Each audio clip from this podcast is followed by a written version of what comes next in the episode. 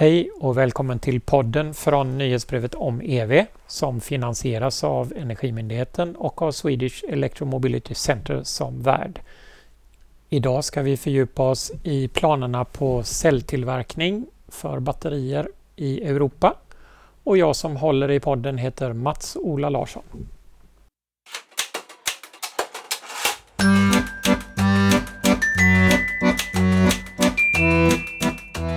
Ja, hej och välkommen till podden Helena Berg. Du är ju en av redaktörerna här på vårt nyhetsbrev om EV. Och du skrev nyligen en artikelserie om tillverkning av battericelljer. Och du har skrivit fem brev med olika teman och sen så har du gjort en sammanfattning i ditt sjätte brev och de fem temana var du skrev om Norge, Storbritannien, Eh, med fokus alltså på tillverkning i de länderna och sen har du tittat lite på koreansk ägda och kinesisk ägda tillverkare i varsitt brev. Och så skrev du ett brev där du gjorde lite nedslag i flera länder, bland annat Italien, Frankrike, Schweiz, Tjeckien och Slovakien. Eh, och så har du sammanfattat lite grann på slutet. Många av våra läsare har nog koll på hur många gigawattimmar som är, är mycket och lite och sådär. Men om du bara kan sätta det här i ett perspektiv, den planerade anläggningen i Sverige, eh, ungefär vilken produktionskapacitet blir det när man kör igång Northvolt i Skellefteå? I full, ja, i, planen är, i första läget då är det 32 gigawattimmar men på europeisk basis så är alla planer nu om vi försöker summera detta, då är det över en terawattimme, alltså över 1000 gigawattimmar. Eh, man kan tro att det här kommer bli en överkapacitet i, i Europa för produktionen. Men eh, jag tror inte det är så konstigt egentligen. För om vi tänker på hur många fordon det här skulle vara. Ja, då skulle nog kanske de här terawattimmen, den här terawattimmen vara för mycket. Men framförallt i södra Europa där stationära lager för solenergilagring blir större och större eh, så eh, äts det där nog upp ganska snart den där produktionskapaciteten.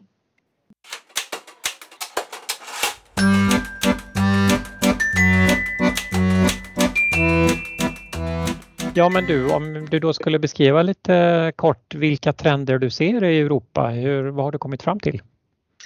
Ja, förutom att alla vill producera, eh, man ser ett business case, så finns det den trenden om vi tar det svenska perspektivet då med Northvolt som är en, en ny aktör som sätter upp en verksamhet. Eh, så har vi till exempel liknande då i Frankrike med Verkor som valt sin plats för sin Gigafactory i Dunkirk i i norra Frankrike. Vi ser British Volt, ett liknande initiativ och Italvolt som då är landsbundna mer eller mindre där det inte finns någon etablerad aktör bakom det här. Vi ser Frankrike-Tyskland så har vi ACC men där har vi eh, fordonsindustri i bakgrunden och den i stort sett den enda producenten vi har i Europa idag, litiumjonceller som är Saft i Frankrike då. Eh, som har eh, jobbat länge med de här frågorna.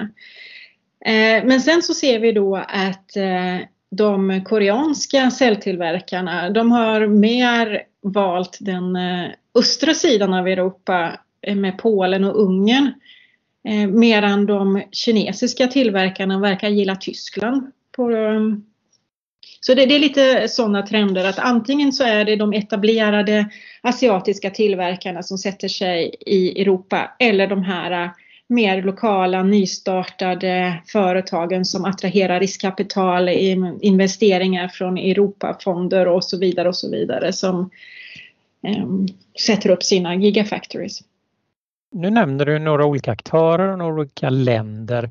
Vad är det egentligen för faktorer tror du som som avgör eller som är viktiga när man lokaliserar eh, sådana här stora anläggningar till en viss ort eller ett visst land? Har du sett några förklaringar till det? Eh, mycket beror nog på vad man kan få för stöd. Eh, från den lokala kommunen där man väljer att placera sin, sin fabrik till regioner, till länder, till Europanivå.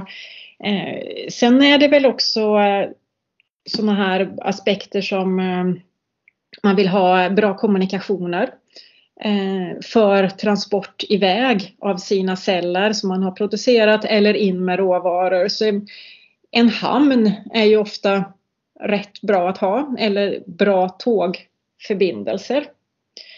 Eh, personal är också en fråga och eh, det finns väl vissa regioner som har lättare att attrahera personal och eh, då ser vi också den här baksidan, kanske också då som vi ser i Sverige, att vi måste se att hela samhället följer med, med bostäder och annat. Så att eh, det är ju inte en lätt mix att välja en plats. Men bra kommunikationer och bra stöd från lokalsamhället skulle jag säga är det som jag har noterat mest av det här.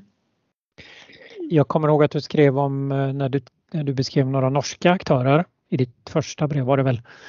Så skrev du att alla de där framhåller eh, lågt koldioxidavtryck i den el som man använder i produktionen som en viktig faktor. Eh, mm. tror du att det är en efterhandskonstruktion eller det kanske inte går att bedöma eller är det viktigt för åtminstone vissa aktörer med den typen av egenskaper? Produktion? Jag skulle säga att vi kommer se det mer och mer, att det kommer vara viktigt. För det är en energikrävande industri det här. För eh, produktionsanläggningarna kräver en renhet, en torrhet i, ehm, i, i produktionsmiljön och där drivs det drivs ju av eh, el och eh, många processsteg i produktionen av allt från att processa råmaterial till göra mm, katod och anodmaterial till att producera cellerna. Alla de här stegen kräver energi. Och eh, visst kan man ha grön energi som ett försäljningsargument för det hela. Men också då att man har en stabil elförsörjning är viktigt. Det här med närheten för de som tillverkar celler till fordonstillverkare då, närheten till ja, själva fordonsfabriken eller någon, samma, vad det nu kan handla om där. Spelar den roll?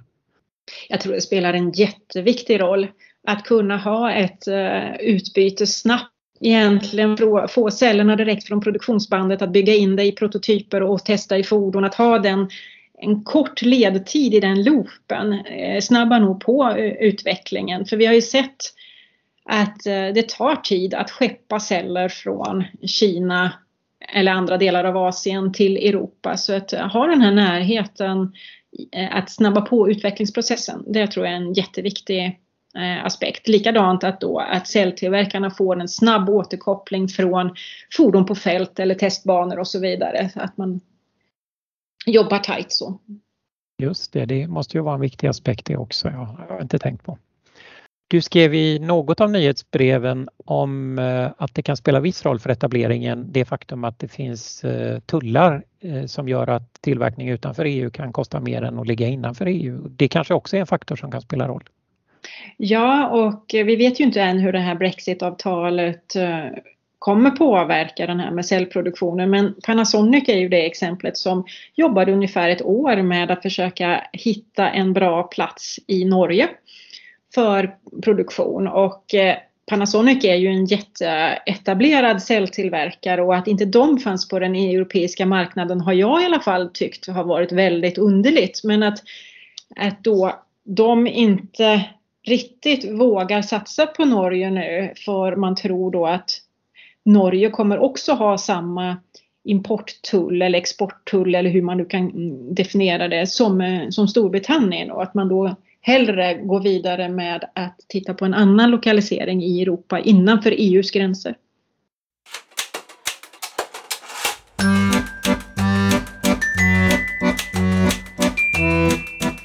Om man funderar över eh, problem eller flaskhalsar, saker som kan bromsa ambitionerna som har kommit till uttryck.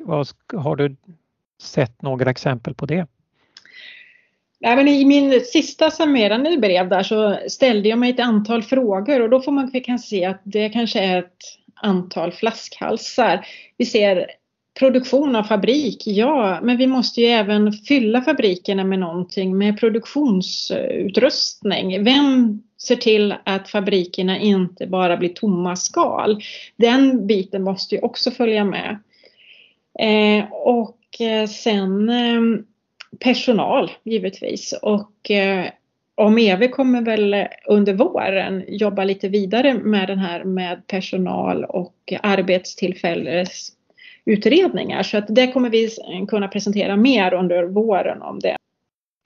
Och eh, en flaskhals som jag också ser det är hur man kommer ta tillvara på eh, forskning eh, och skala upp forskningen. Att eh, det här med pilotlinar blir nog allt viktigare och viktigare. Eh, småskalig pilotlina alla universitet, att man gör ett antal hundra forskningsceller men sen att kunna göra hundratals eh, uppskalade celler, det tror jag är en flaskhals. För att göra sen tusentals, ja men det är nog lite lättare i de här anläggningarna men den här nivån däremellan och likadant att kunna göra produktutvecklingen mer effektiv så gör man inte tusentals celler utan man behöver göra tiotal, hundratal och loopa det här många gånger. Så där tror jag vi ser ett, en flaskhals i just de här småskaliga pilotanläggningarna. Eh, Eh, men sen eh, personalen på, på stort då blir ju den stora grejen tror jag. Mm. Eh, du nämnde ju dina reflektioner i ditt sista, sjätte avslutande brev. Vad, vad var det mer du kom och har du något annat exempel på så lite mer öppna frågor som du ställde dig när du har gått igenom det här? Ja, jag skulle nog eh, vilja veta mer hur fordonsindustrin tänker med sin eget engagemang i de här fabrikerna. Vissa har investerat stort, men kommer de ska vilja ha det här in-house? göra sina egna celler verkligen eller kommer de förlita sig på underleverantörer även om de är delägare i underleverantörerna? Ehm, vi såg en trend under 2021 att det blir fler och fler joint ventures men eh, hur kommer det se ut framöver? Det skulle jag eh, vilja veta och eh, de här eh, siffrorna som florerar med gigafactories hit och dit och gigawattimmar hit och dit så eh, känns det som att det kommer produceras fler celler i Europa 2030 än i Kina och det tycker jag känns lite konstigt faktiskt för Kina har ju ändå Ja, det är de som är i topp nu. Kommer det verkligen vända på det sättet eller kommer vi se den kinesiska dominansen fortfarande?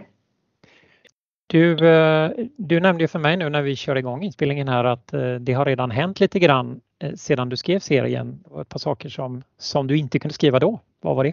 Ja, det var till exempel då att Verkor har valt sin plats för sin Gigafactory i Dunkirk i norra Frankrike.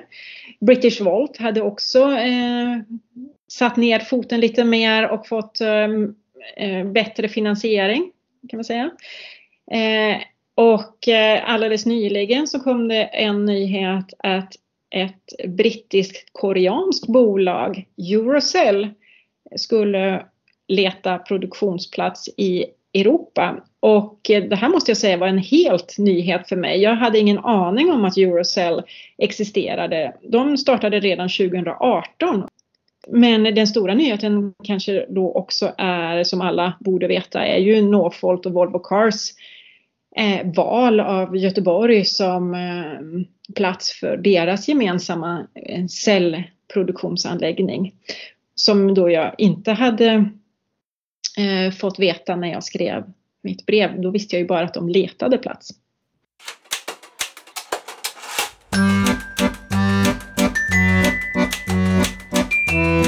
Eh, nu skrev ju du fokuserade på celltillverkning. Eh, skulle det gå att göra motsvarande bild av det som mera är packtillverkningen eller är det, finns det en annan logik där? Hur, hur skulle det, det sett ut om du hade tagit med det? Ja, då skulle jag säga att det blir en svårare matris att uh, ta sig an. Vart drar man gränsen? Tar man gränsen bara vid att, att tillverka pack eller ska man även ta med de som gör styrenheten?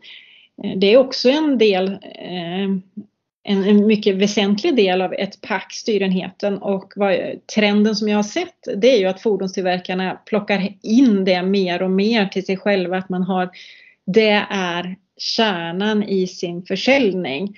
Så att eh, det var så lätt att bryta vid celler eh, än att då vad är ett pack? Då, då, skulle man nästan kunna titta på vad, vilka vilka fordon kommer ut ur Europa. Det blir för stor ja. aspekt. Just det, och det här med cellen är ändå en, det är en viktig och i, i, i sig eh, talande trend för hur eh, elektrifieringen slår igenom i fordonsmarknaden. Då. Ja, precis och jag, om man då är lite krass, de celler som tillverkas på europeisk mark kommer med största sannolikhet plockas eller byggas samman till ett pack på europeisk mark också. Det. Eh, om det är till fordon eller till stationära lagringar, ja det må vara väl hänt men att det kommer ju säkert inte skeppas celler från Europa till Kina för att bygga pack där. Ja, eh, nu har vi gett eh, några bilder ifrån din serie och eh, tycker du att det är något mer vi behöver berätta för lyssnarna eller har vi fått med det viktiga?